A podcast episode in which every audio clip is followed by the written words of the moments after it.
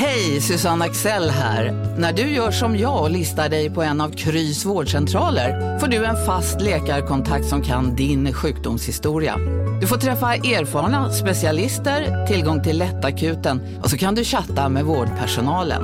Så gör ditt viktigaste val idag, lista dig hos Kry.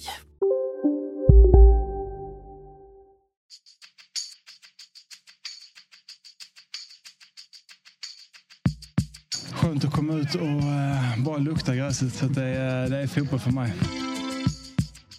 Nu är jag här och jag är väldigt glad att eh, kunna spela för det laget som jag har närmast om hjärtat. Om å skape tro, om å tro på det vi gjør, jobbe videre. Og vi skal bare ut der, og så skal vi levere. Og det skal vi jo. Basta. Välkomna tillbaka till MFF-podden. Det här är avsnitt nummer 227. Jag heter Fredrik Hedenskog. Jag har sällskap eh, digitalt åtminstone av Max Wiman och Fredrik Lindstrand och Berang Safari. Välkommen tillbaka får vi säga. Tack så mycket. forum. Tack, tack. Det känns Ja. helt fantastiskt att vara tillbaka. Minns du förra gången? Berra? Eh, Det var väl precis när det eh, kommit tillbaka.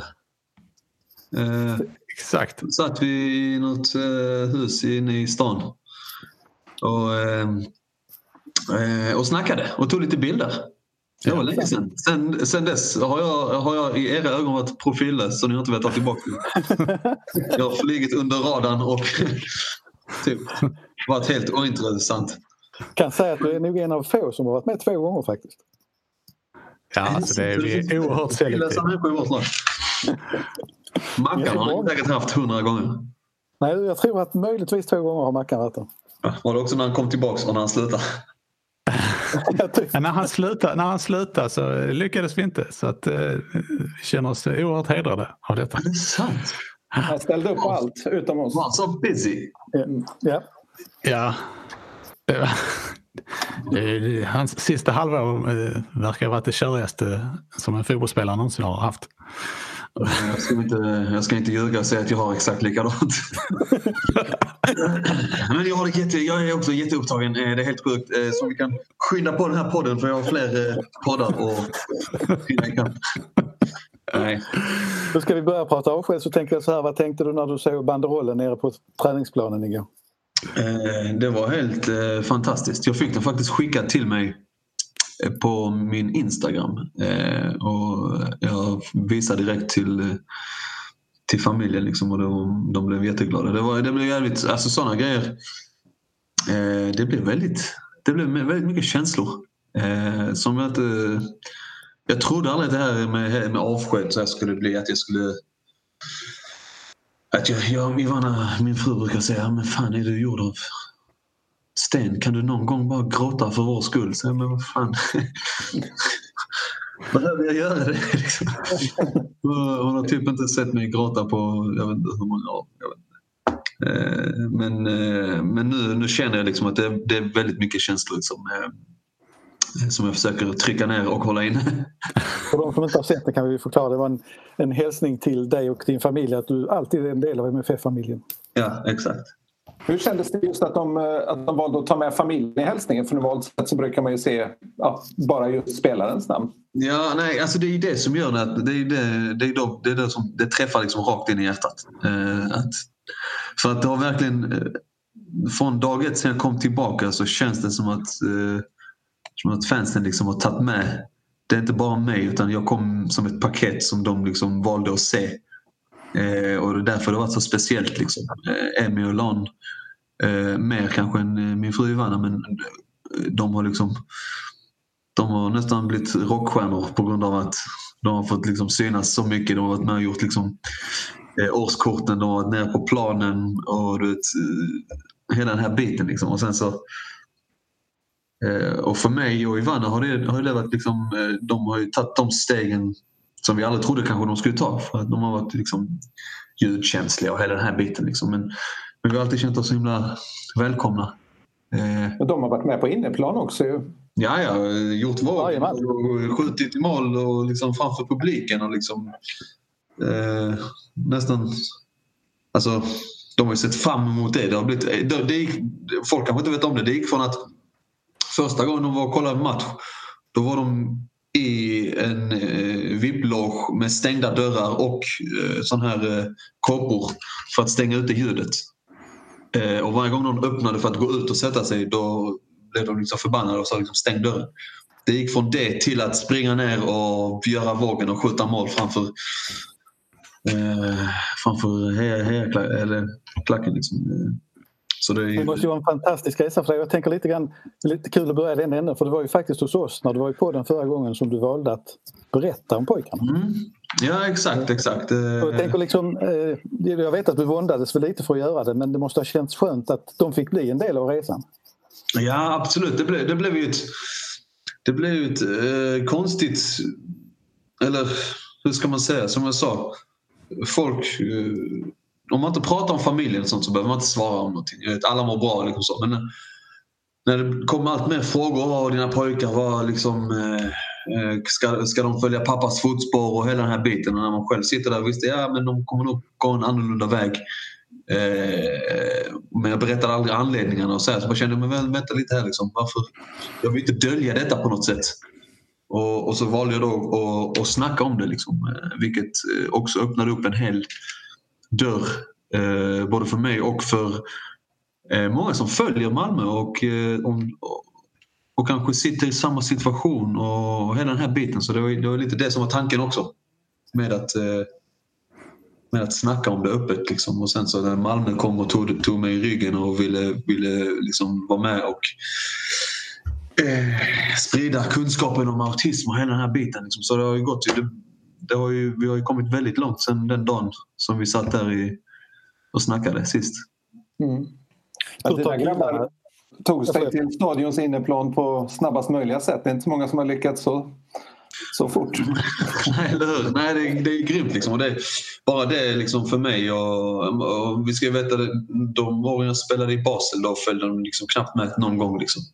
De var aldrig där. Liksom. Och jag, och det kändes ju lite, för alla andra i mitt lag hade med sina barn och de var nere på plan och hit och det andra blev liksom rena eh, eh, de var med liksom, gjorde mycket men aldrig mina barn. Liksom. Eh, så det var stort för mig också när jag fick se dem första gången springa ner och bara liksom bli älskade. Och, ja, alltså Hur tar de det nu att du ska lägga av? Har du berättat? Alltså, ganska lugnt får jag ändå säga. De har inte varit med nu någon gång detta året. Liksom. De har ju nämnt det några gånger och sånt. De har skrivit, och, skrivit liksom till pappas jobb och jag har tagit upp, tagit, tagit, tagit upp det med dem att eh, ja, snart så ska inte jag spela fotboll med dem. Då blir de liksom så, vadå, aldrig mer liksom. Och, och, så, och då så säger jag, då vänder jag och säger det, ja och då är pappa hemma hela tiden. Då, då blir de jätteglada. är alla lika, alla lika positiva? Uh, ja, förutom, eh, förutom min fru som då säger att nu får du hitta något annat att göra, du kan inte vara hemma hela tiden. är det någon som har tyckt att du är dum som lägger av nu? Att du borde ja. fortsätta, kanske fortsätta ja, det finns, uh, ja, alltså det finns ju många som, som kanske tycker att det är för tidigt. Uh, att jag har några år kvar och, och så här. Uh, det finns ju jättemånga som tycker det. Eh, då? Ja, men, eh, familj, nära och kära. Eh, det är jättemånga som skriver på sociala medier. Mm. Och det, varje träning står det jättemånga som står och skri, sjunger eh, bära skriv på. Nej, det är skönt. En jävel har stått och sjungit. eh, eh, nej, skämt åsido. Det är många som skriver. Nu på grund av, alltså, man, får ju också, man får inte glömma det. det är väldigt, eh, vi lever i konstiga tider med corona och hela den här biten. Liksom, så. så allt man får höra är genom sociala medier. Eller, liksom. Mm. Du har inte börjat eh, omvärdera beslutet då? Du känner, eller tror du att det kan komma ett sug nästa år? Det finns ju, det finns ju klubbar i Lund till exempel som skulle behöva förstärkning. Jag har, nej men alltså jag har tänkt. Jag jag är inte alls främmande för att göra en sista match i Lunds, eh, Lunds SK. Eh, eh, och spela en två matcher där liksom, eh, för att liksom sluta cirkeln på något sätt. Det var där det började, liksom, där det också tar slut. Liksom. Mm. Eh, och sen så har jag några vänner som har börjat ett korpenlag inomhus. som man ser fram emot att spela, i Victoria-stadion. Vad kul för motståndarna där när, när de tar med sig en gammal landslagsspelare och Champions League-spelare. Då blir de nöjda. Det enda jag får tänka på är jag kan inte vara alltså, tappa huvudet och börja tackla folk liksom det blir fel. Du är gott sällskap. Therese Sjögran spelar i Korpen också när hon slutar. Ja, det är sant. Det är fint. Ja. Det, är liksom, det, är, det är fotboll på, en helt, äh, på, på andra premisser. Det är liksom enbart glädje. Liksom. Det finns liksom inte... Så det, det kommer ändå bli svårt på något sätt. Och för det, det vinnarhuvudet och det här måste man ju...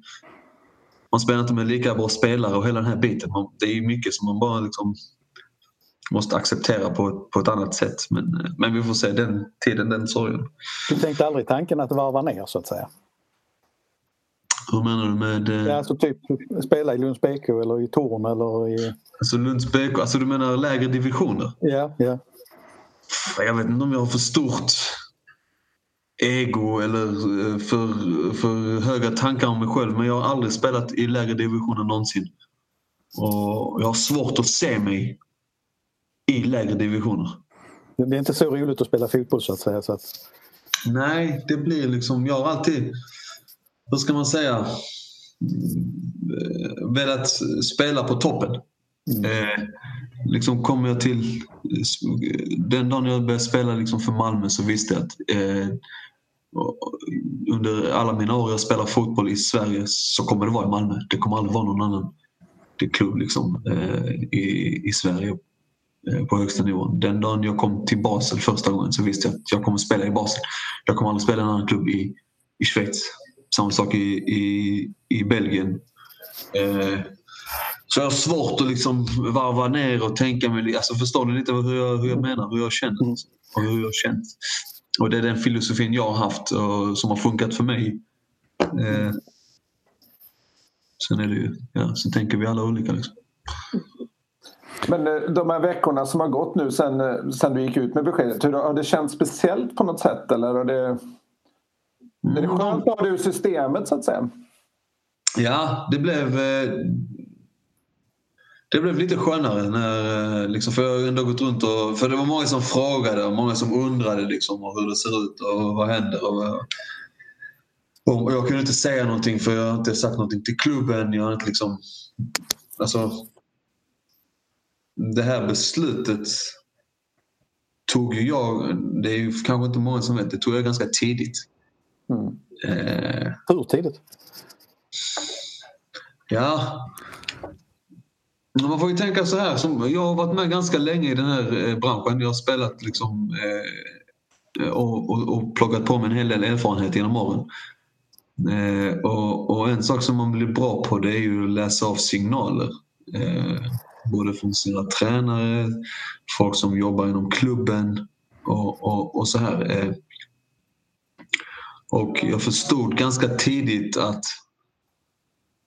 eh, jag, kom, jag kom in med mycket energi inför året och, och ville, tyckte liksom fotboll var jätteroligt och, och, och liksom tänkte okej okay, nu jävlar ska det bli kul. Eh, och I mitt huvud så hade jag den här säsongen och så ett år till tänkte det blir nog helt perfekt för mig. Liksom. Och jag kände liksom i kroppen och allt sånt att det, att det skulle funka för mig. Och detta är, enbart gick jag på säsongen innan. Hur det hade gått för mig och jag tyckte liksom, fan. Eh, gått riktigt bra. Eh, spelade många matcher, höll hög nivå liksom. Så tänkte fan det här känns bra. Så jag kom in i det nya året med den energin.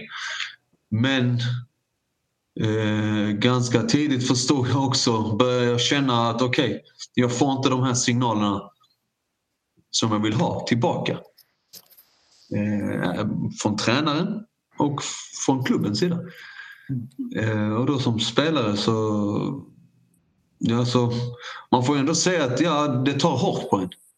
Eh, Malmö är ändå den klubben man har liksom gett allt och, och lite till för. Eh, och, och, och sen blir någonstans få det tillbaka när man börjar känna. Det, det, det var aldrig liksom riktigt klarspråk men, men jag är inte, man är liksom inte dum. Man känner av signalerna. Okej, okay, det kanske är dags för mig att eh, step aside. Eh, så det var ju också, det var också en eh, svår period för mig. Men när jag, när jag förstod att, detta, att det, var, det började gå åt det hållet eh, då visste jag också att okej, okay, det kommer inte vara lönt det finns liksom inget jag gör på träningar, på match. Alltså, jag förstod det liksom, okej. Okay. När, när nästan konkurrenssituationen försvinner.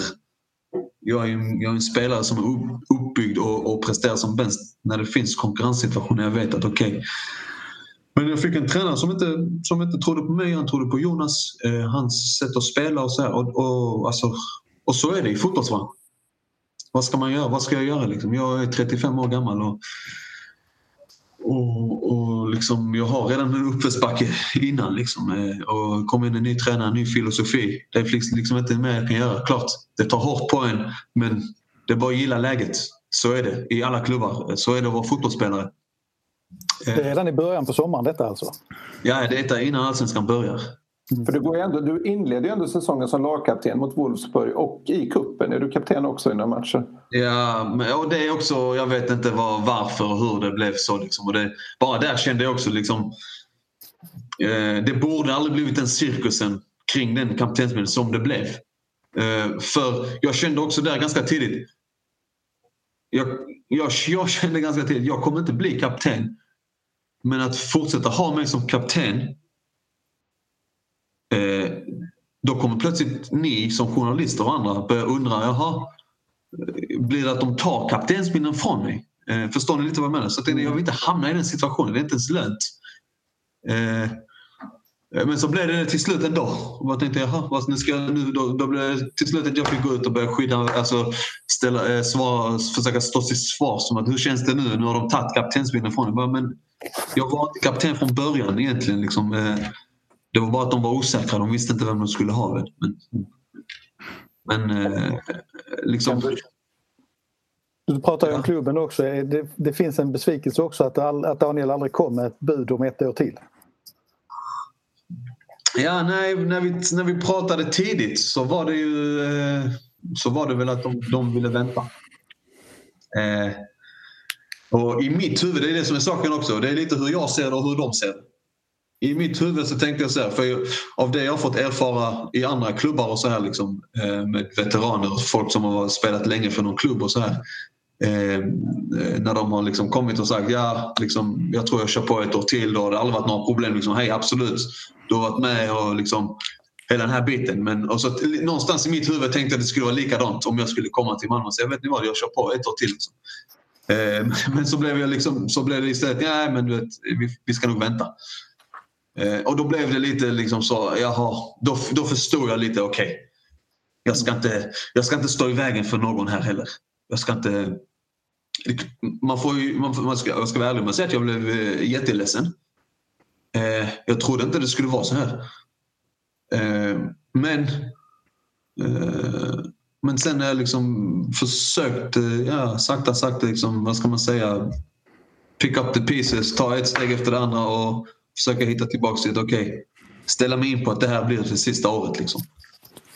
Eh, vilket också var tufft, det är också en resa. Det är, som jag sagt, den här säsongen eh, är ju, har ju varit mentalt den svåraste för mig någonsin.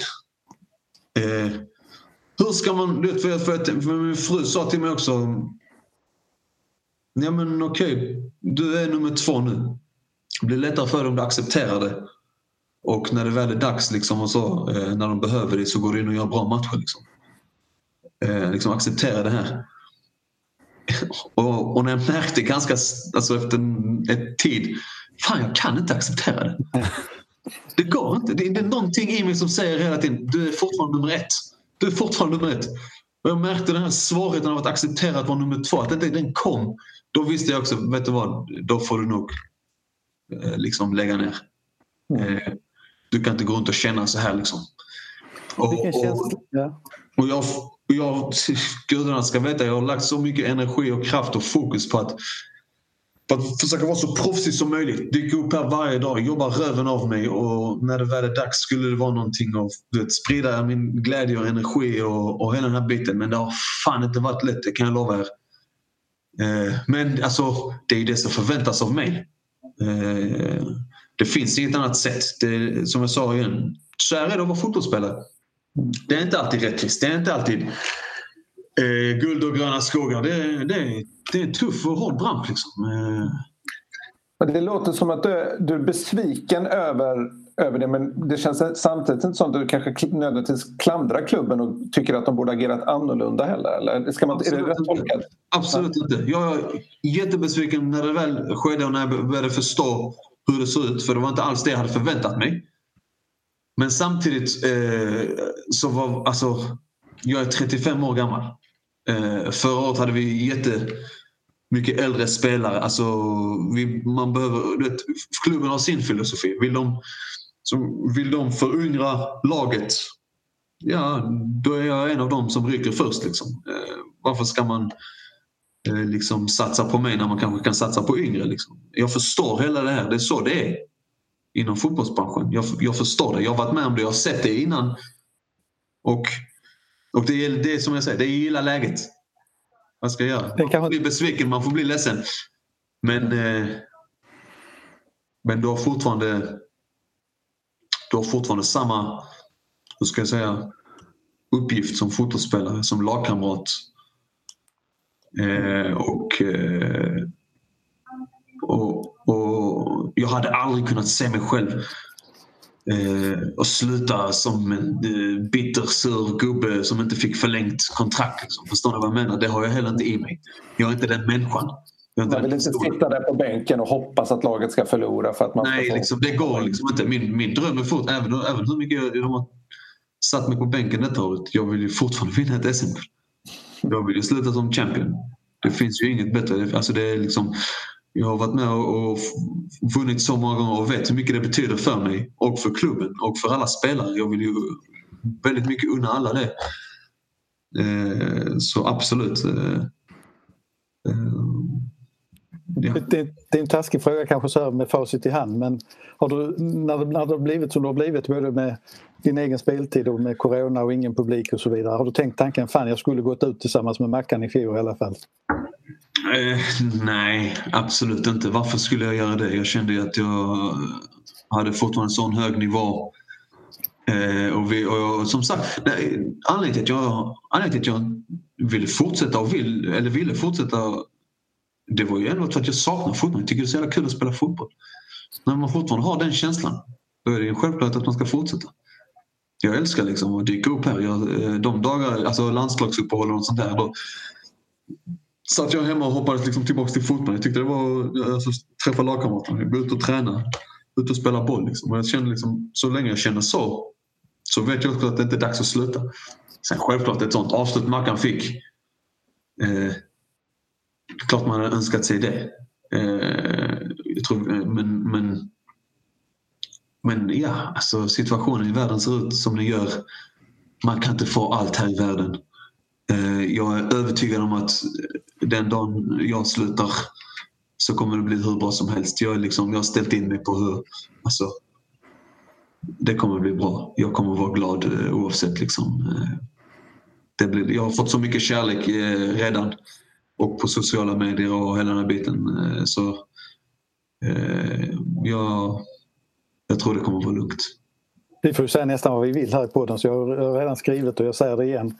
Är det någon stake i MFF så ser de till att du är lagkapten i den matchen när ni ska höja bucklan. Ja, alltså, Om du så bara det, är också grej, det är också en sån grej som jag har tänkt på. Eh, ja, jag har fått höra det också av andra ställen. Äh, ja, av andra. Men samtidigt vill jag inte ta bort det från AC. Detta är hans första år som kapten. Eh, han har jobbat röven av sig, han spelat, han har betytt så mycket för klubben. Eh, detta året för vårt lag, gjort så mycket poäng.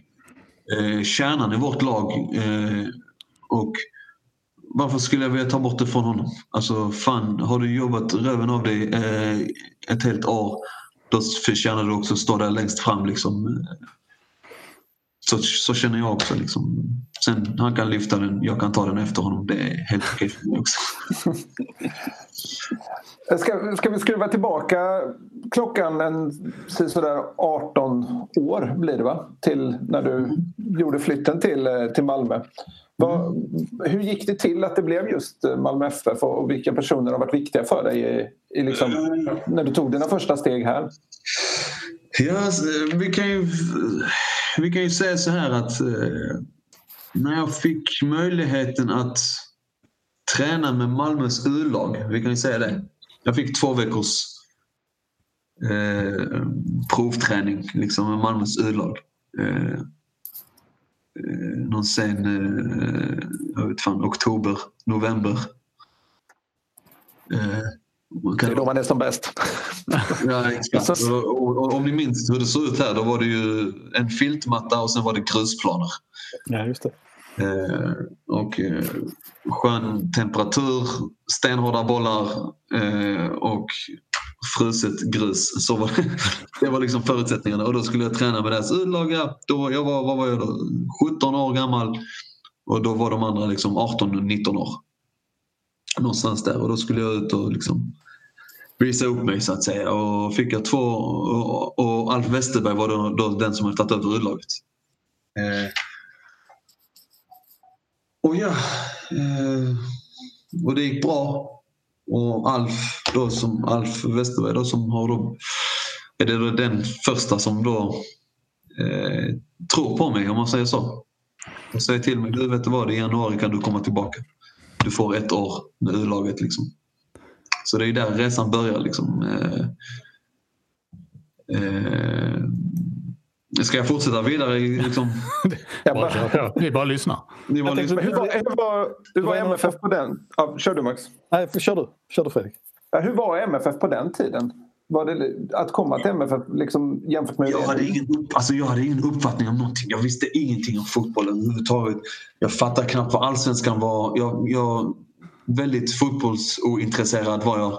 Jag följde inga ligor ute i Europa på något sätt. Eller något sånt där. Jag visste att okej, okay, det finns ett seriespel i division 4 där jag kom från och det finns ett seriespel som heter Allsvenskan i, och där spelar de bästa lagen i Sverige. Det var ju basically vad jag kunde. Jag dyker upp dit, jag, jag förstod ju ganska snabbt, okej okay, här är det lite proffsigare. Va? De spelarna här behöver inte ens ta med sina smutsiga kläder hem. Det finns någon som tvättar åt dem. Eh, de behöver inte ta med sig sina fotbollsskor heller. Det har de liksom olika fack för. Alltså, det var för mig, wow, är man proffs nu liksom? Eh, och ja, A-laget träffade inte någonting överhuvudtaget men det var ju liksom superstars kanske i mina ögon. Oj, de här, det här är A-laget liksom. Om de gick förbi och sånt. Någon gång kanske man stannar och tittar på deras träningar och bara tänkte shit, här smäller det på. Här går det liksom, folk skrek på varandra och du vet, det var, jag bara, man blev liksom nästan lite rädd. Oj jävlar. Nästa steg är ännu större liksom. Eh, Sen blev du lärling. Ja, efter ett år blev jag lärling. Ja, det betyder att plötsligt man ska träna med A-laget och spela B-lagsmatcher. Och det är också sån, eh, det är en period där man ska liksom visa upp sig, att man, att man, att man håller måttet så att säga. Och, och det gick ju bra. Tyckte jag själv. Jag kommer ihåg också att eh, då var jag, jag precis fyllt 18. Eh, och gjorde det bra. Eh, då, efter första året i U-laget så tyckte jag att jag förtjänade ett lärlingskontrakt och det fick jag då. Och, och, eh, nej förlåt, förlåt, efter första året, det, här, det är många som inte vet, efter första året som U-lagsspelare så, så ville jag ha ett lärlingskontrakt. Eh, men så när jag dyker upp på kontoret så sa de att du får ett till år som U-lagsspelare. Och då ville jag inte alls ha Jag sa nej, jag tycker liksom att jag förtjänar ett lärlingskontrakt. Eh, och då så sa de men det, det, det, är inte det vi har snackat om. Jag kommer inte ihåg vem det var jag snackade med där inne på kontoret. Men eh, jag vägrade skriva på ett urlagskontrakt till. Eh, och sen så blev jag tillbaka och sa du det har blivit något, något fel. Du ska ju bli lärling, du ska inte bli urlagsspelare. du tjatade in i Malmö FF helt enkelt. Ja, det kanske blev, blev något fel där. Eh, det vet jag inte. Men det var tur att jag inte skrev på det i alla fall. Ja. Och då blev jag lärling i ett år. Eh, tills jag blev vad var jag då, 18, 19, 20 någon gång där och sen så... Det, jag hade en tuff period. Mitt sista år som lärling. Eh, eh, jag, sista kanske sex månaderna så gick jag med inflammerade ljumskar. Eh, och det blev värre och det blev värre och värre. Och för varje B-lagsmatch och för varje träning jag gjorde med A-laget så blev det bara sämre och sämre. Kontraktet började rinna ut. I mina tankar så så visste jag att oj, alla som inte klarar det här de hamnar i, vad var det klassiskt, bunkerflo. Många Malmöspelare som hamnar där liksom, eller liksom andra klubbar. Jag bara kände sån ångest i, i kroppen. Liksom. Jag, det här får inte sluta så här någonstans. Liksom. Jag, bara, jag knaprade liksom diklofenak och smärtstillande i tre månader dagligen flera piller om dagen. Jag gned ljumskar och mage och allting med eh, tigerbalsam bara för att ta mig igenom träningar.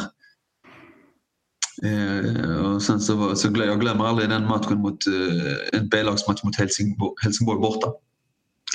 Efter 20 minuter så, så kunde jag, jag kunde, kunde inte gå längre. Kunde inte springa, kunde inte gå. Eh, och jag signalerade ut liksom, ni får, ni får byta liksom. Och de bara, liksom, de bara kallade, kallade in mig. Jag bara, jag kan inte gå. De får liksom bära ut mig. Alltså, jag, jag hade lost sig så fruktansvärt mycket. Liksom.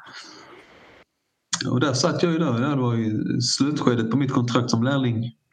Eh, och eh, ja, tiden gick. Jag kunde inte träna folk som lärling. Folk lägger inte, alltså, det var fokus på A-laget och deras skador. Mig var det liksom, eh, här, gör de här övningarna. Och det var inte mycket mer. Liksom. Jag, jag kommer ihåg att jag var i något, det var i något gym i Atleticum, nej Baltiska hallen eller något sånt. Något gym nere i, alltså det är jättedeprimerande var det på den tiden. Fy fan, man var ensam. Det, var, det fanns fyra väggar och eh, hur ska man säga, materialet var från 1952. Eh, de skivstångarna och sånt. Liksom. Alltså det var, det, där inne var jag ensam. Jag hade fått övningar för att göra. För att ljumskarna ska liksom bli bättre och kände inget resultat överhuvudtaget. Och jag vet fan liksom. Eh, tiden gick, kontraktet led mot sitt slut. Hasse Borg kallar in mig. Där mot slutet på mitt kontrakt. Det är bara några dagar kvar. Liksom. Hasse Borg kallar in mig. Jag är på sitt kontor. Eh, och sen säger han bara eh, hur är det med dig? Du är skadad och så här lite. Så jag bara, nej men eh, jag har varit lite skadad men det känns mycket bättre nu. Det är på bättringsvägar. hörde, alltså man kunde ju säkert höra paniken i rösten. Liksom.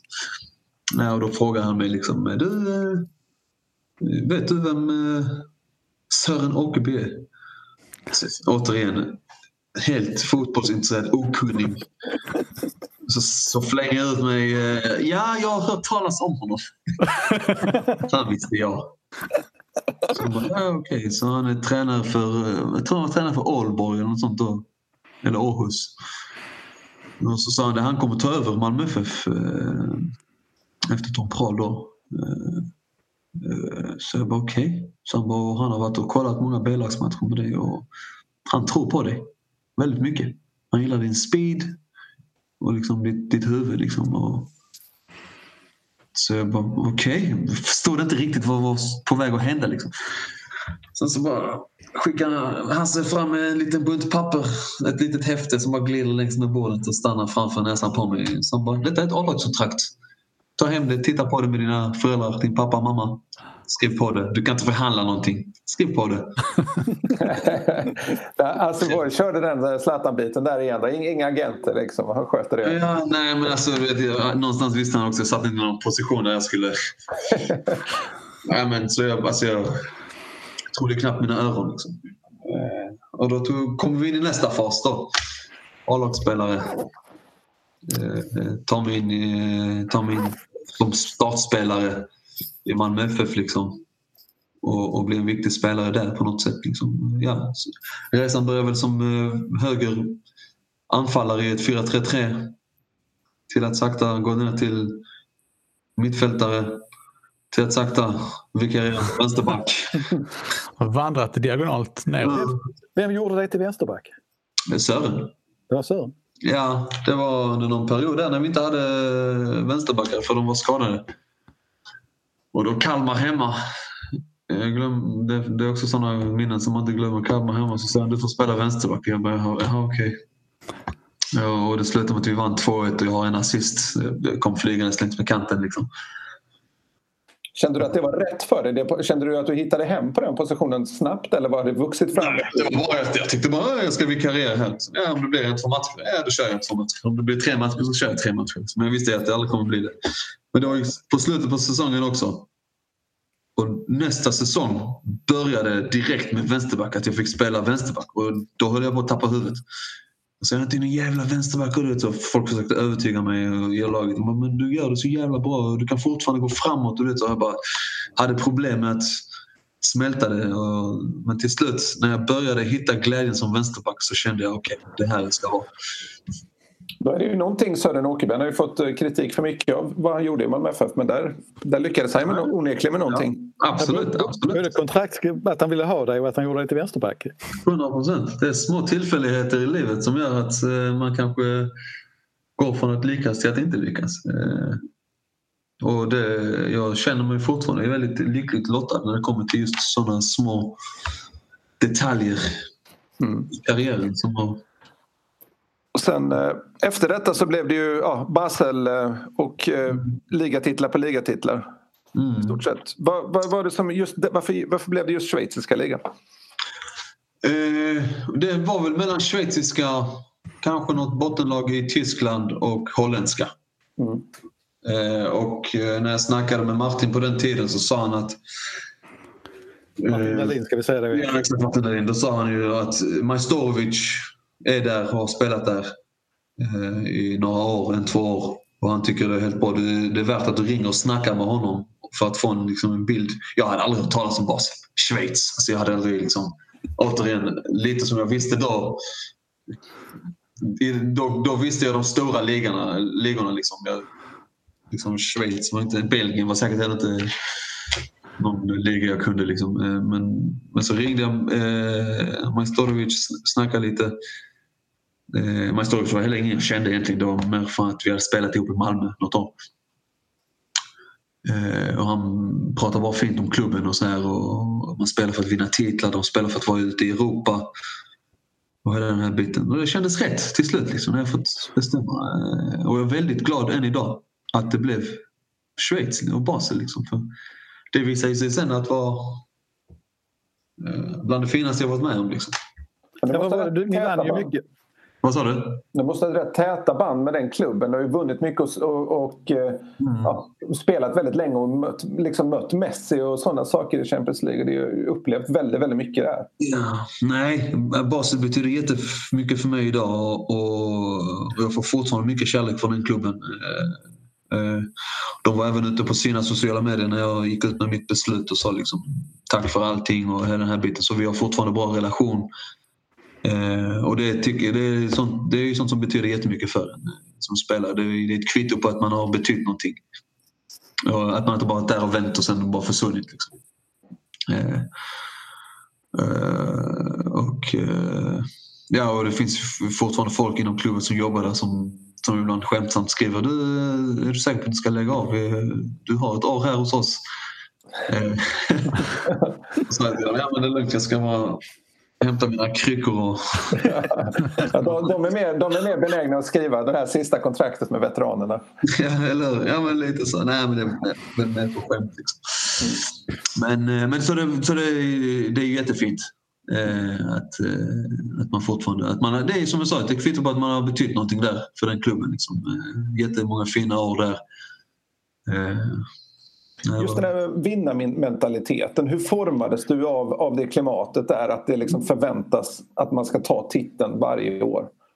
För när du lämnade MFF var väl inte riktigt eh, känslan i klubben just, just den? Nej, absolut. Alltså, så här, det som är fina som man fick från Malmö det var det här att pressen på att man skulle vinna år efter år var alltid där. Fastän det gick käpprätt åt helvete. Någon gång tror jag att vi slutade nia. Kan det stämma? Ja, det kan det göra. Mm nia, sjua, femma tror jag fick vara med om. Eller något sånt. Alltså, även om man slutade så dåligt så året efter så var man ändå tippad att vinna allsvenskan. Mm. Och pressen fanns där. Och det är jättefint att jag fick med mig, in, alltså jag fick med mig det till Schweiz. Eh, men, eh, alltså förstår du, när man slutar sjua, femma och nia eller vad fan det blev. Eh, då, då var det liksom, ja vi ska alltid vinna men vi vann ju inte. Och det var ändå någonstans okej okay till slut. Ja, nu tar vi nya tag nästa år. Liksom. Men jag märkte när jag kom till Schweiz, för första året så vann vi inte.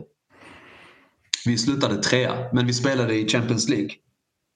Det räddade upp lite, men ändå. Eh, och då minns jag att efter det året, eh, då när det började gå lite så mot slutet och vi inte vann ligan, liksom, då, då märkte jag att det hördes i, överallt runt omkring. Liksom, att det här är skandal, det är katastrof. Då började jag fatta att oj, här får du inte förlora. Jag tänkte ändå så, äh, men eh, fan trea, vi kommer att spela i Europa League nästa år och så är det, de bara, är du dum i huvudet? Liksom? Trea? Det är förbjudet här i Schweiz, du får, eller i Basel, du får inte komma trea liksom. Och då då jag förstått, oj, här är det ett annat allvar. Eh, för är du, är du framgångsrik år efter år då förstår du också ganska tydligt vad det innebär och vad du måste offra. Eh, vilket sen Malmö, det Malmö jag kom tillbaks till var ju det Malmö som, som då vann fler titlar. Eh, eh, Förstår ni lite vad jag menar? Den, den förändringen märktes också när du kom precis, tillbaka till Precis, precis. Alltså man, man, kan först veta vad det är att vara en vinnare efter man har vunnit. Alltså, så det är det. Klyschigt, men det... Ja men så är det lite. Man kan ju alltid säga att man är en vinnare eh, om man är född till vinnare. Men om du aldrig har vunnit så vet du inte vad det innebär att vinna. Du vet inte vad det innebär, alltså vilka uppoffringar du måste göra. Hur det är att gå de, de, eller springa de sista metrarna eller jobba röven av det. Eller alla de här, allt som det innebär för att vinna. Alla, alltså, alla svårigheter och allt skit man kan tänka sig man går igenom under en säsong med skador. Har du också valt att bli egen? Då är det viktigt att skaffa en bra företagsförsäkring. Hos oss är alla småföretag stora och inga frågor för små. Swedeas företagsförsäkring är anpassad för mindre företag och täcker även sånt som din hemförsäkring inte täcker. Gå in på swedea.se företag och jämför själv.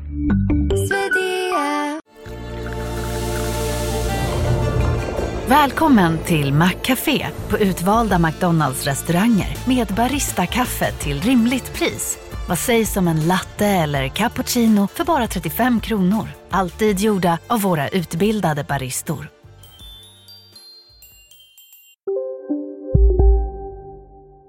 Skador och röda kort och tacklingar. Och det blir ju värt det när du får lyfta någonting i slutet. Annars är det ju bara ett år. Ett förlorat år är det ju. I princip. Eh, när, du, när, du, när du känner det ända in i ryggmärgen det är då du också vet att okej, okay, jag vet vad det krävs för att vara en vinnare. Helt enkelt. Och det tog mig något år, två år i Schweiz. För efter mitt första guld så bara kände jag, vänta lite här. Det här vill jag ha mer av. Snälla. Alltså, sen visste jag inte att jag skulle stå där nio år i rad.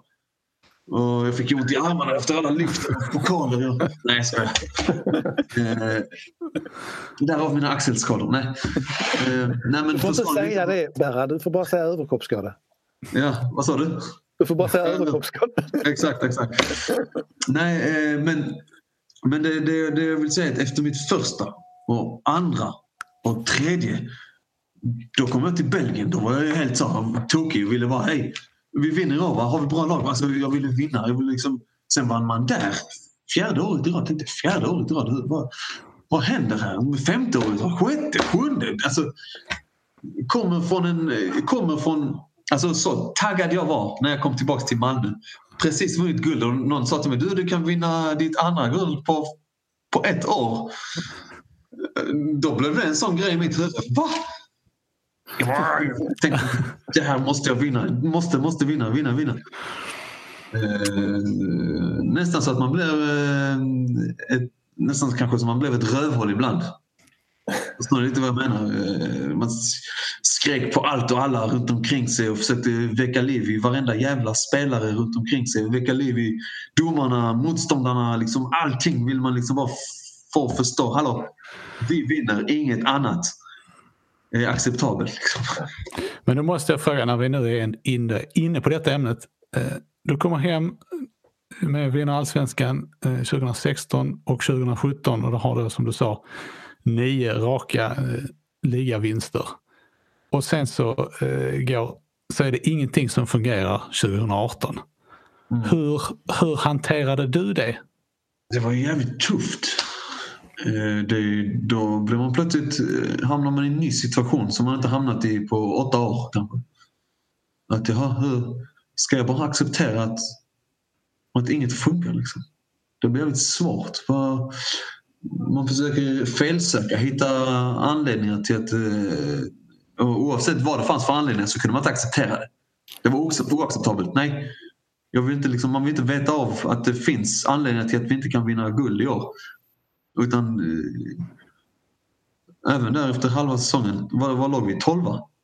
11? Nej, 11 va? 11 var det som värst. 11. Fastän man låg 11 så, var hoppet kvar men, men vi kan fortfarande vända och vinna. Vi kan fortfarande vända och vinna. Alltså, det tänket hade man liksom. Eh, och sen så gick det över till att okej, okay, nu kanske vi inte vi kan vinna men vi måste ut i Europa. Alltså, förstår ni? Man försökte sätta några realistiska mål. Liksom. men, men som sagt, den, den perioden var också tuff. Eh, jag vill ju ha 10 i rad. Varför inte det? 11 i rad, 12 i rad, 13 i rad. Varför skulle det vara en omöjlighet? Eh, men, eh, men, men det var ju tufft lite att, att kunna när man väl förstod att okej, okay, det kommer inte bli vi.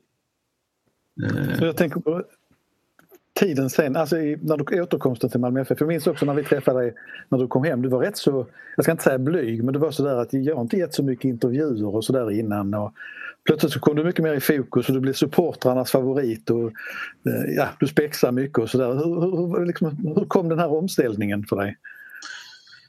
Eh, ja, alltså så här är det. Jag, eh, alla åren som jag var borta från Malmö så jag var inte jätteglad för att stå i centrum kanske. Synas i intervjuer och, och hela den här biten. Jag var ganska glad vid sidan om. Eh, så när jag kom hit så trodde jag också att eh, jag kommer hitta min roll vid sidan om. Jag jobbar i det tysta. Jag behöver liksom inte kanske synas jättemycket och, och, och så här. Men, men jag, jag vet fan, jag, har, jag tycker inte jag har stått i centrum jättemycket på så sätt. Det känns fortfarande som jag Jag vet inte, det kanske är mitt huvud. Jag försöker hålla lågt. Det är nog mest. men, nej, men alltså, alltså, att jag har betytt någonting eh, för många eh, är jag väldigt glad för. Eh, det är jag verkligen. Eh, jag, jag, känner verkligen att mitt mål har varit sen jag kom tillbaka, även när jag var i Malmö, och, eller vad heter Basel och i Anderlecht. Målet har alltid eh, varit att göra någon form av avtryck på ett eller annat sätt. Liksom. Och, och folk ska minnas dig för, för fotbollsspelaren men även karaktären du har. Liksom. Ja, jag menar herregud, liksom, jag minns någon liten videosnutt där du sjunger på danska med AC va? Du, du eh, skrev så, eller gjorde sången med Dalin till Mackan. Ja. Eh, Bäras balkong. Ja, Bäras balkong. Ja men det är också sån, ja, det är också sån grej som jag har förstått att det, men så är det ju. Med sociala medier har det blivit helt annorlunda med Alltså förstår ni vad jag menar? Du kan ju nå ut till så många mer. Allt som normalt sett eh, kanske stannar inom mellan fyra väggar eh, kan nu nås ut till så många mer och det är, det är fint på sitt sätt också. Eh, för nu, nu kan supportrar känna sig närmare sina idoler eh, kanske på ett annorlunda sätt och, och man, man kanske kan få visa upp den här dödliga sidan. Som att vi är, vi är exakt som ni det skiljer oss inget åt. Liksom. Vi, vi skämtar på som ni gör. Vi är exakt, liksom, förstår ni vad jag menar? Man kanske hittar en, en finare relation fastän man inte träffas egentligen. Eh, förstår ni vad jag menar? Där. Och, och, och, det finns så många i vårt lag som är riktiga eh, tomtenissar som kan spexa och som kan, men det vet ju ingen om. Sen du kom till MFF, om jag räknar rätt här nu, fem, fem tränare under din tid eh, sen du kom tillbaka. Om vi räknar med Daniel Anderssons korta period Jaha. som Eh, men i alla fall fyra längre. Känner du det har varit omväxlande tid eller har ni haft liksom kontinuiteten på annat håll? Eller? Nej, alltså... Det är alltså... Det, ja, för inte så länge sedan så började jag räkna tillbaks på... När var det senast jag hade en tränare mer än ett år? Alltså då fick jag gå tillbaka till 2009. Eller 10. Ända sedan dess har det bara varit en.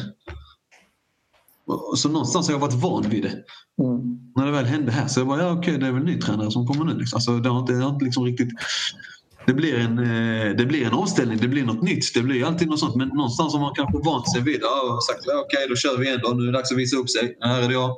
Här ska jag slåss. Detta är min plats. Fuck off resten liksom. Eh, men så jag kanske inte har känt eller tänkt på det på något speciellt sätt.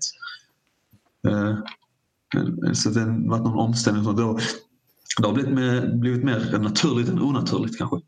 Mm. Jag vet inte om det är känsligt idag eftersom du fortfarande är aktiv men finns, har du en favorittränare av de här fyra riktiga tränarna så att säga, du har haft i Malmö? Förlåt Danne men det var ju bara några veckor.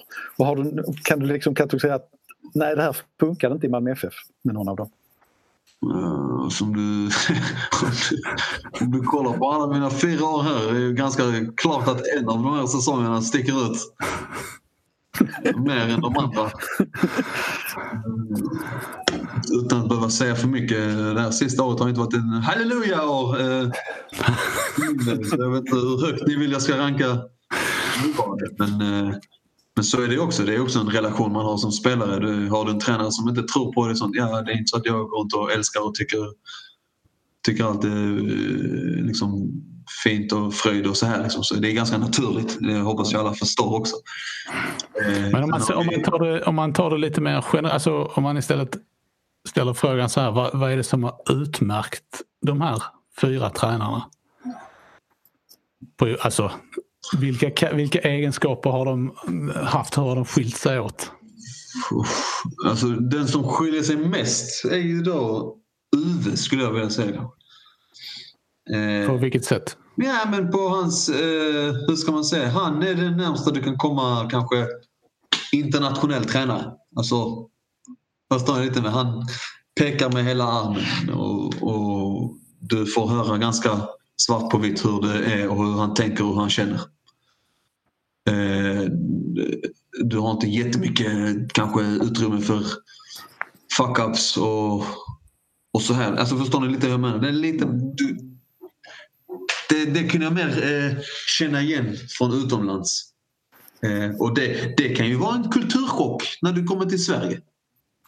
Det behöver inte alltid kanske vara positivt. Det är inte många som kan, kan klara av det sättet. Eh, även spelare men även runt omkring. Har du någon som vill kontrollera mycket, som vill styra mycket. Det är inte många som är van vid kanske. Så han utmärker sig mest av alla eh, på det sättet. Men alltså återigen, jag har haft mellan 15 och 20 tränare på mina, mina år som fotbollsspelare. Liksom, så det, och, och jag har sett dem alla liksom, på Många är lika på sitt sätt och många är olika. Liksom, så, men det är väl liksom inget det var, jag var liksom inte chockad när han kom. Liksom. Förstår ni lite vad jag menar? Mm. Ja, det var väl en större omställning för många andra. Och många hade det ju, han, hade ju, han hade en ganska tydlig bild av, av vilket hans första lag var. Mm. Det var ju en kärna av spelare som, som hade mm. hans förtroende och de som stod utanför hade väl det lite tuffare under den här perioden. Ja, Förlåt, jag var frågan. Nej, det var ingen fråga. Det var ett påstående. Nej, men det var kul att du kunde konstatera det. ja, det nu vi tar de andra gubbarna. Allan Kuhn, han upplevdes som en väldigt glad fyr men som kanske inte alltid hade helt koll på läget rent Nej, det var också, jag, jag fick ju bara känna av från i sex månader kan man väl säga. Liksom. Eh, och då, det var ju väl mer kanske från andra om man hörde liksom och så här. Eh, eh, det var en, ja som du, som du själv eh, förklarade med en eh, glad herre som ville vi skulle vinna, eh, som hade sina tankar och idéer som kanske inte alltid kom ut helt glasklart. Eh, men man kan ju säga så här också, när du har, den kärnan som jag kom till Malmö, så alltså av spelare som Malmö hade, så var det nästan en omöjlighet att kunna misslyckas ändå. Alltså förstår ni lite vad jag menar? Mm. Det var, vi var för starka. Det var den bilden man hade utåt också? Att, uh... Ja men lite så var det också. Det var lite så jag kände när jag kom tillbaka. Okej, okay, oavsett hur det går, vi kommer nog vinna allsvenskan ändå. Liksom. Eh, det enda vi behöver eh, från alla sidor är att liksom pusha på oss och, och det, gjorde han, det gjorde han bra. Liksom. Sen skillnaden mellan Ove och Magnus Persson känns för, oss, för mig som utomstående gigantisk. Man upplevde Magnus Persson som väldigt fotbollsteoretisk och att det var mer taktik än tempo i träningen om man uttrycker det så. Mm. Ja men det blir väldigt... Man får inte glömma det här heller. Det året vi vinner med MP då är kärnan kvar. Av spelare. Är det inte så? Jag tror vi... Jo, det stämmer. Ja, det stämmer. Är det andra året han får sparken? Det stämmer, eller? Mm. Ja. Då, då försvinner typ sex spelare ur startelvan mer eller mindre. Så man får ändå ge honom det. Det var inte lätt för honom heller att försöka liksom, okej, okay, detta var ändå nyckelspelare. Att försöka göra någonting utav det här. Ja, han, han försökte och det, det blev ju, det gick ju inte riktigt som han kanske hade tänkt sig och som vi hade tänkt oss lite liksom. Och, och till slut, till slut så blev det ju kanske också en fråga om att är det taktiskt vi är dåliga eller är det att motivationen och träningen och annat, alltså allt mycket runt omkring. Det, det blev till slut en helhetsgrej om att okej, okay, det här funkar inte längre. Liksom. Vi började känna det allihopa och vi försökte verkligen knyta näven. Alltså, mycket ansvar låg på honom. Mycket ansvar låg på oss spelare också. Det får man inte glömma. Eh, men det, vi kom till en punkt tror jag där, där vi kände att någonting måste förändras. Vi behöver ny, alltså nya färska tag. Liksom. Och, och, den, och det visade sig ganska tydligt att vi behövde tydligen någon som piskar oss ordentligt. Förstår ni vad jag menar? Den, den kontrasten mellan MP och UV är ju eh, jättestor. Alltså det var stor skillnad. Liksom. Han, UV, liksom som Eh, Uves UVs första träning när det, när det smällde på det låg spelare till höger och vänster. Alla ville visa upp sig. Eh, då hör man någon från läktaren. Stand up! It's painful to play football! Alltså, det var liksom då plötsligt var det ingen som kände efter längre. Aj, okej, okay, det gjorde ont. Bara kör vidare. Alltså, det behövdes. Jag har en minnesbild av en träning inne på Malmö stadion där Ove körde extra fyspass med dig och Rasmus Bengtsson. Mm. Efter vanlig träning. Ja, väl, då hade han väl också sett något som, som tydligen stämde. Han, men samma sak där, han, han hade ju sina kärnspelare som han trodde på. Jag var en, en av dem och han ville hålla både mig och Rasmus så fit som möjligt. Eh, och då var han inte han liksom, han gullade inte runt med oss utan han kanske tryckte på oss extra mycket. Liksom. Jag tänker på också när man pratar MFF-tiden. Är... Kan du plocka något ögonblick som det allra största under de här åren? Sen återkomsten främst då. Alltså båda, båda SM-gulden eh, var jävligt fina. Eh, när jag kom tillbaks så visste jag att jag hade... Alltså, jag ville ha ett SM-guld som spelare, alltså ett år då jag spelade liksom i klubben. Förstår ni vad jag menar? Inte som avbytare eller som liksom inhoppare eller något sånt. Eh, utan jag hade det som någonstans på min bucket list om man säger så att det här måste jag få känna av. Liksom. Och och när jag fick uppleva det så det, det betydde mer för mig än vad jag trodde. Liksom. Alltså det kändes så jävla mäktigt. Eh, så både gulden var ju helt magiska, eh, tyckte jag. Eh, Europaäventyren. Eh, Mackans sista match här eh, när vi vänder och liksom eh, vänder matchen. Det är ju en helt fantastisk den. Alltså fått uppleva det Kul för Mackan, ja, men även för oss andra. Det känns som att det, det, känns som att det var, nu, nu när du blev ombedd att välja en sak så valde du fem. Ja men, ja, men det är svårt. Det, det finns aldrig en.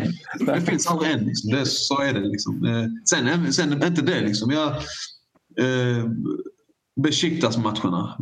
Borta. Alltså ta sig vidare. Eh, vad har vi mer? Hur gick det till där egentligen? Du blev alltså nedringd på matchdagen.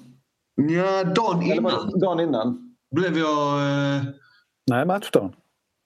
Ja, nej, nej, men dagen innan så, nej, men, eh, så ringde de till mig. Då. Eh, mm. Eller, eller på måndagen så...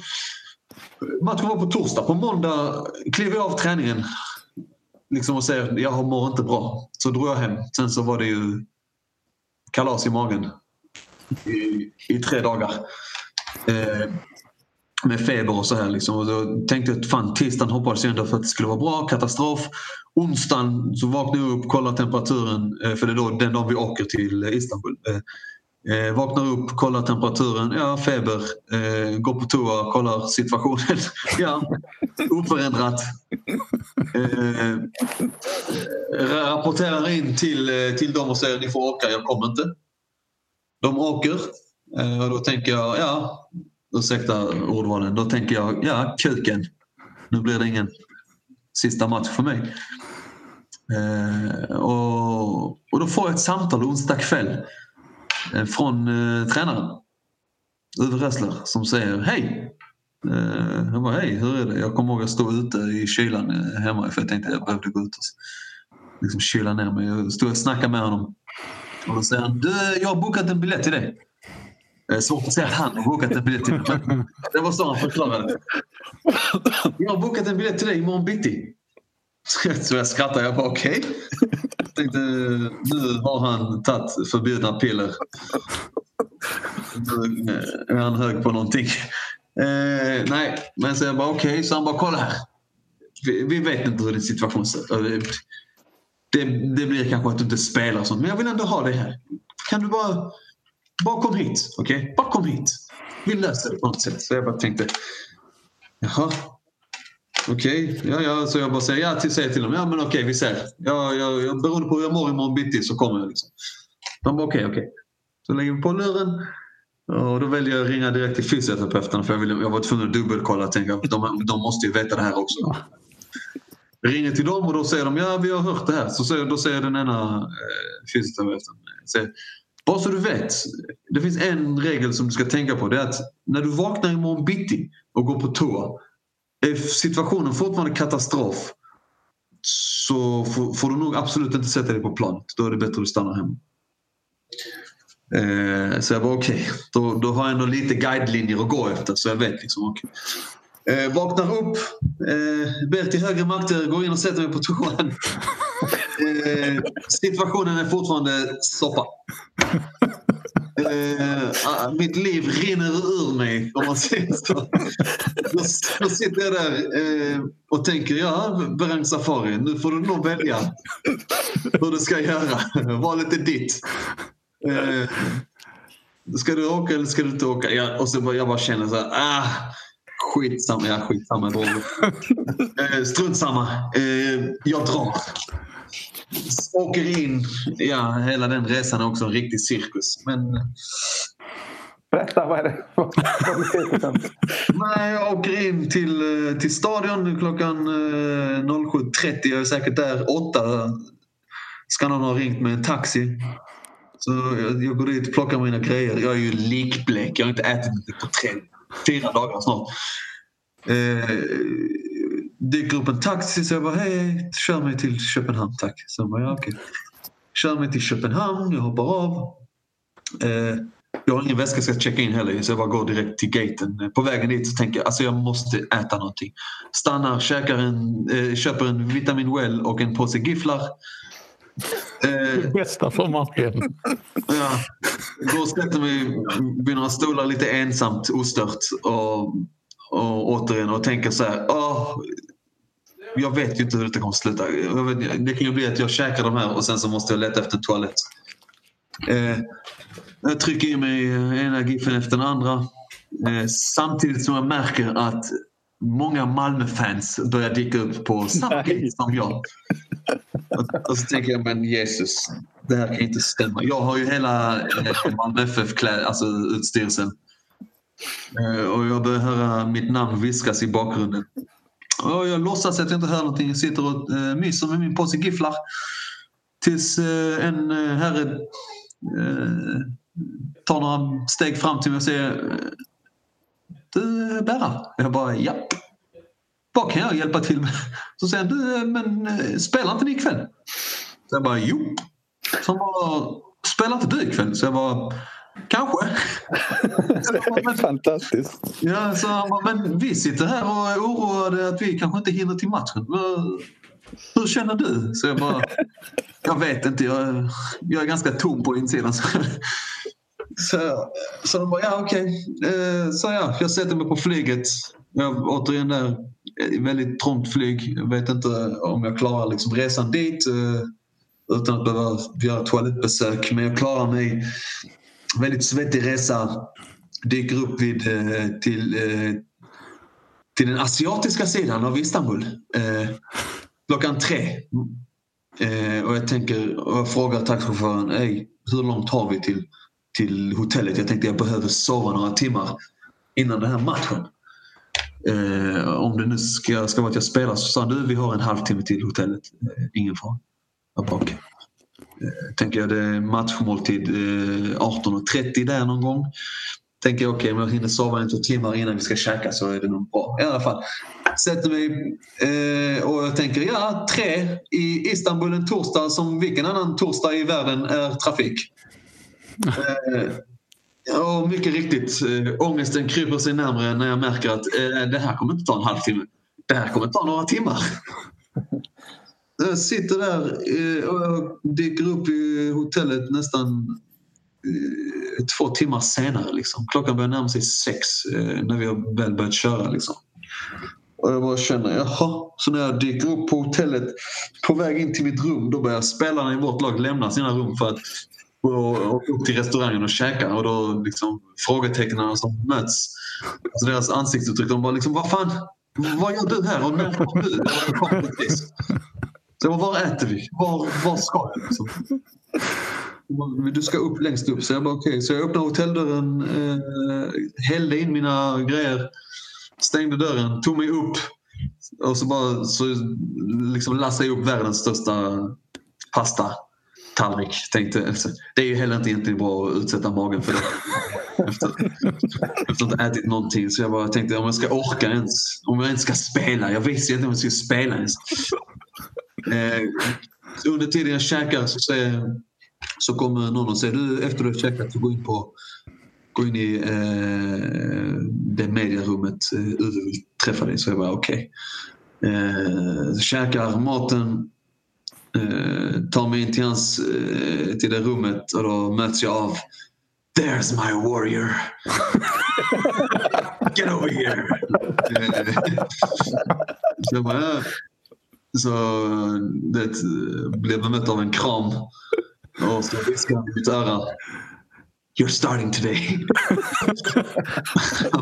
bara, don't worry. bara, don't worry, it's gonna be great. Han bara, spela så länge du vill, så länge du orkar, men du startar. Det är viktigt att du startar. Ja, sen så, så blev det som det blev. Det var, alltså, den här historien är ju liksom, jag, jag, är glad att man har fått uppleva det och att det bara blev en sån i mitt liv. Liksom. Men, det måste ha eh, varit det besväraste du varit med om i karriären eller? Va? Det måste ha varit det besväraste du varit med om i karriären? Eller? Ja, det är ju, jag har aldrig varit med om något liknande egentligen. Eh, och det, just det, man får, inte, man får inte glömma detta heller. Att efter matchen eh, när vi har tagit oss vidare ur gruppen och jag ska in och fira med laget då möts jag av Hej, du har doping. Eh, så då försvinner jag in, man får inte gå in till omklädningsrummet, försvinner in till ett rum. Då hör jag hur mitt lag firar. Och då sitter jag där och tänker, ja nu ska jag kissa ut mitt liv. Och då är du uttorkad och ja. Tänkte... ja och sen det roliga, jag kissar, går in. Eh, då möts jag av att du skynda dig, flyget går snart. Ja. Hoppar in i duschen, springer till bussen och sen plötsligt, det var nästan lite orealistiskt. Alltså, jag är på flyget här igen, fan ta mig. Och skicka ut dig på den resan som inte gillar att flyga heller. Ja, det var minst av mina bekymmer. Jag satt ju bara och hoppades på att allt eh, var kvar i kroppen. Jag tänkte i början när du började berätta här att jag måste fråga på slutet sen om, eh, om du har någon mer sådana oberättade historier. Men det finns väl ingenting som kan slå det här ändå antar jag? Nej, den här är en av de sköna sköna berättelserna som man kan bjuda på. Alltså det händer ju så mycket hela tiden kring mig. Jag vet fan.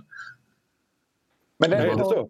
Är det, någonting, är det någonting du ångrar från din karriär? Alltså som du inte gjorde? Du säger att mycket har hänt men är det någonting som inte hände? Som du kanske, alltså någon, någon, något klubbyte du avstod eller, eller något sånt?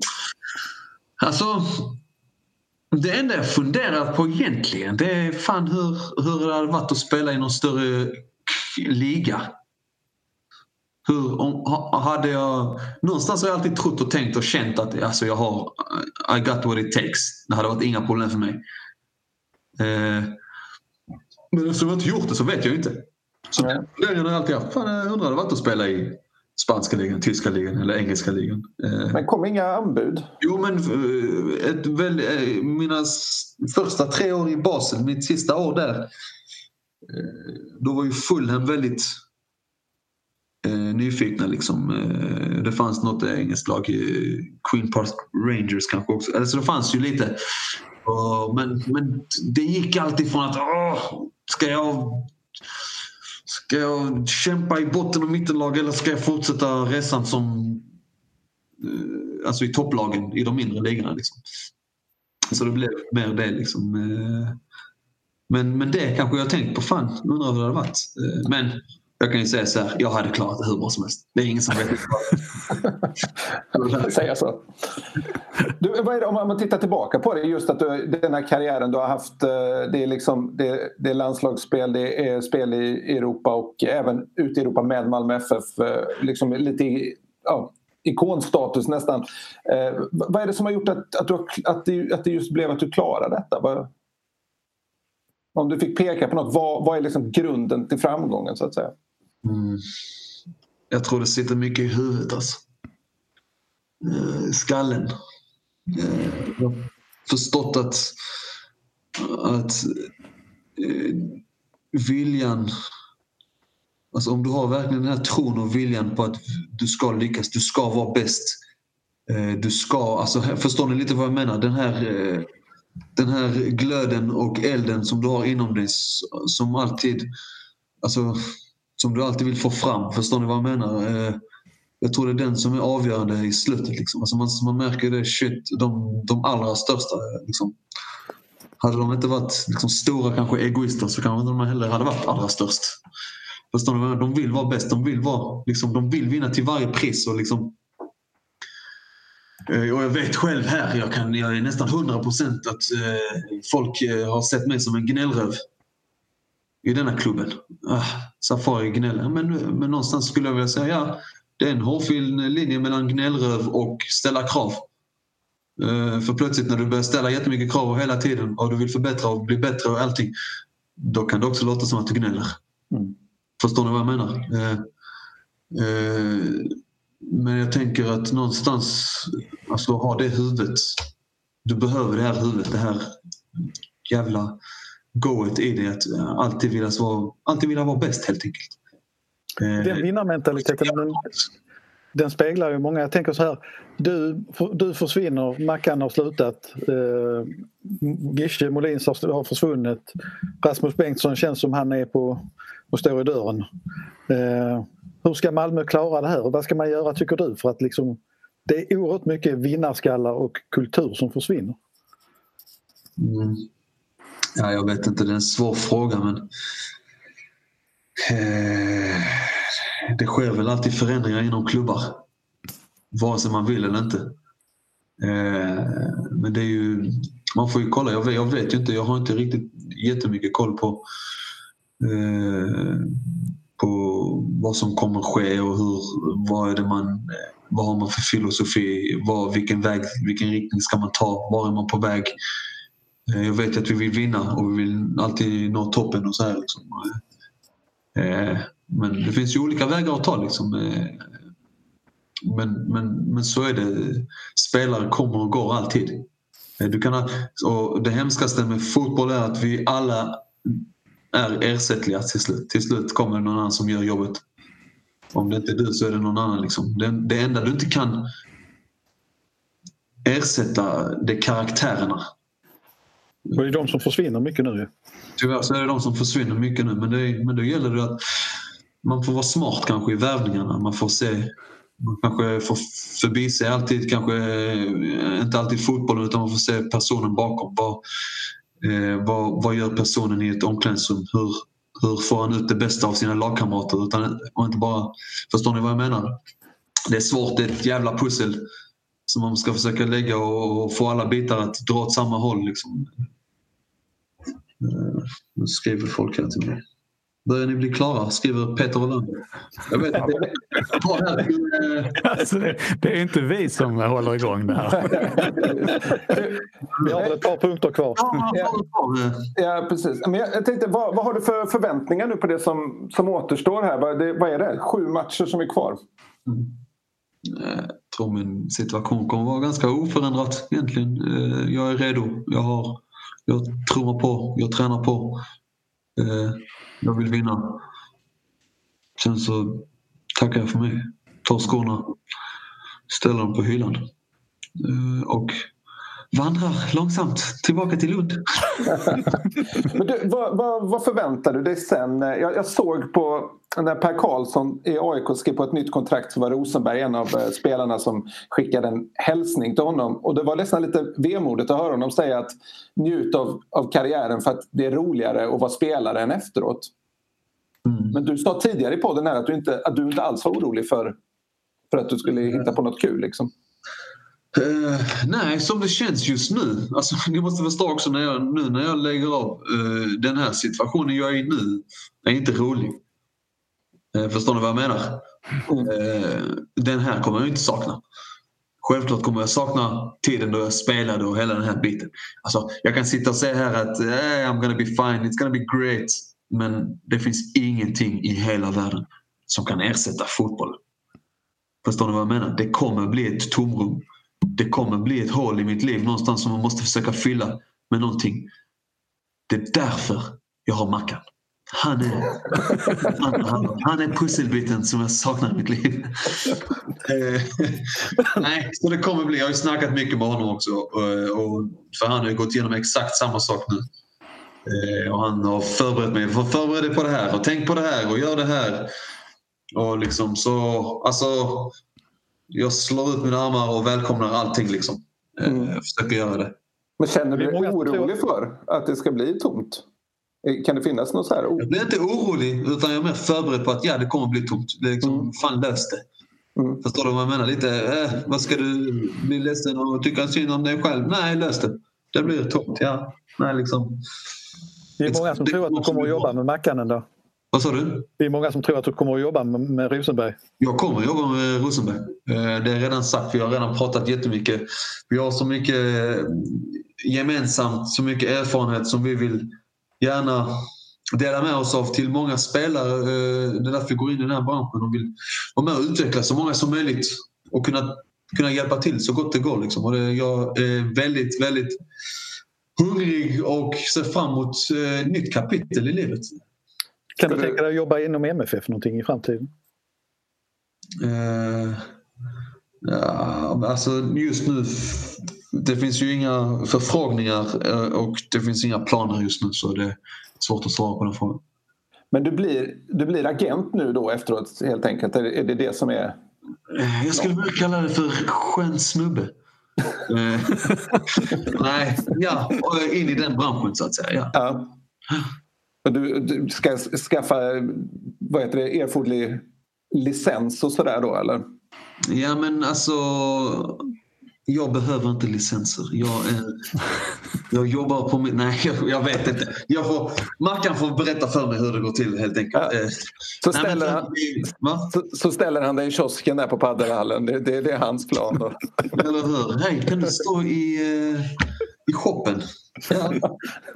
Hur fan ska jag sälja spelare härifrån? Jag tänker bära så här också. Det, det, det närmar sig avslut. Det är ett speciellt år. Det är tomma läktare och allt sånt här. Eh, hur kommer det kännas att inte få fira med fansen? Och lite kort, vad, vad har supportrarna betytt för dig?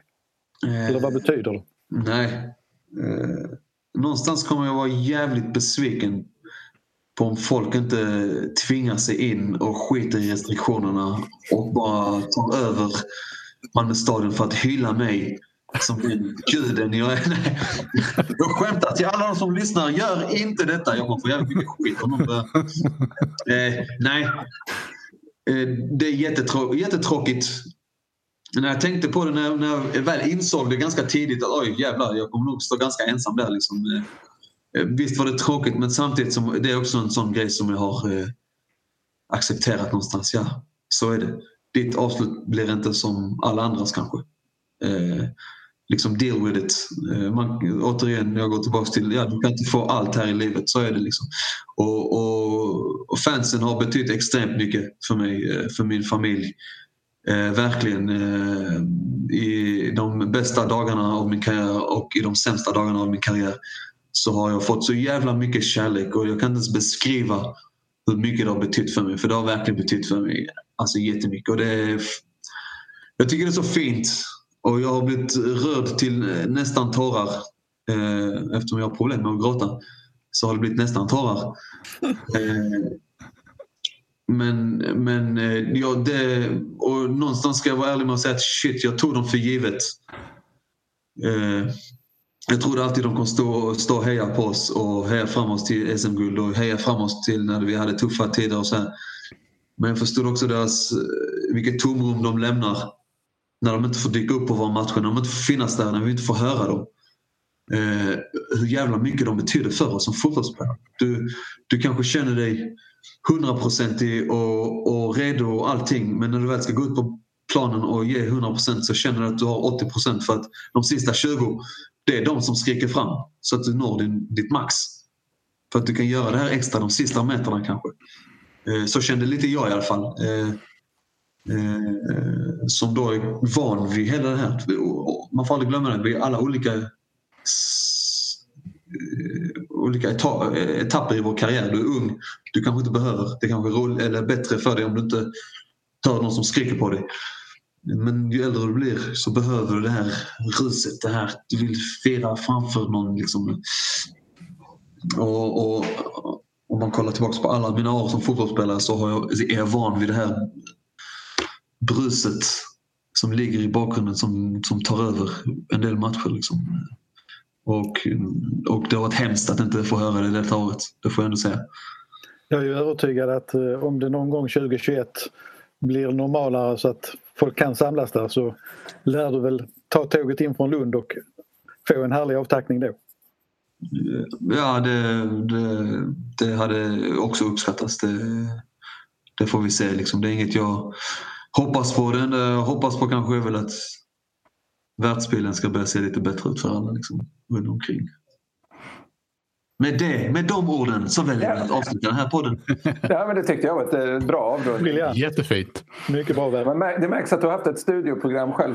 Du kan det. Ja, eller hur, ni säger det. Det, det sjuka är att det är ni som sitter i mitt program just nu. Ni har inte en aning om det. Men tack för att ni ville vara med i min podd. Tack så mycket.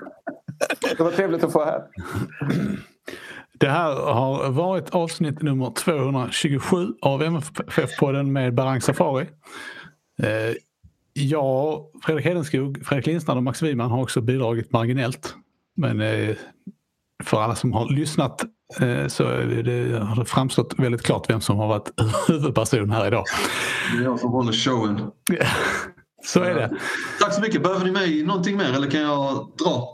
Jag måste också bara säga att ansvarig utgivare är Jonas Kanje. Nu kan du få dra.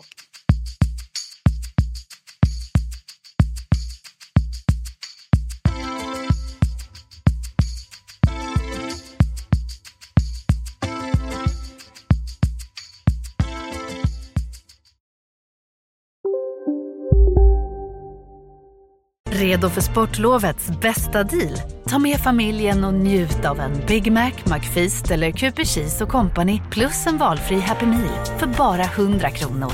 Happy Sportlovs deal, bara på McDonalds. En nyhet. Nu kan du teckna livförsäkring hos Trygg-Hansa. Den ger dina nära ersättning som kan användas på det sätt som hjälper bäst. En försäkring för dig och till de som älskar dig. Läs mer och teckna på trygghansa.se. Trygg Hansa. Trygghet för livet.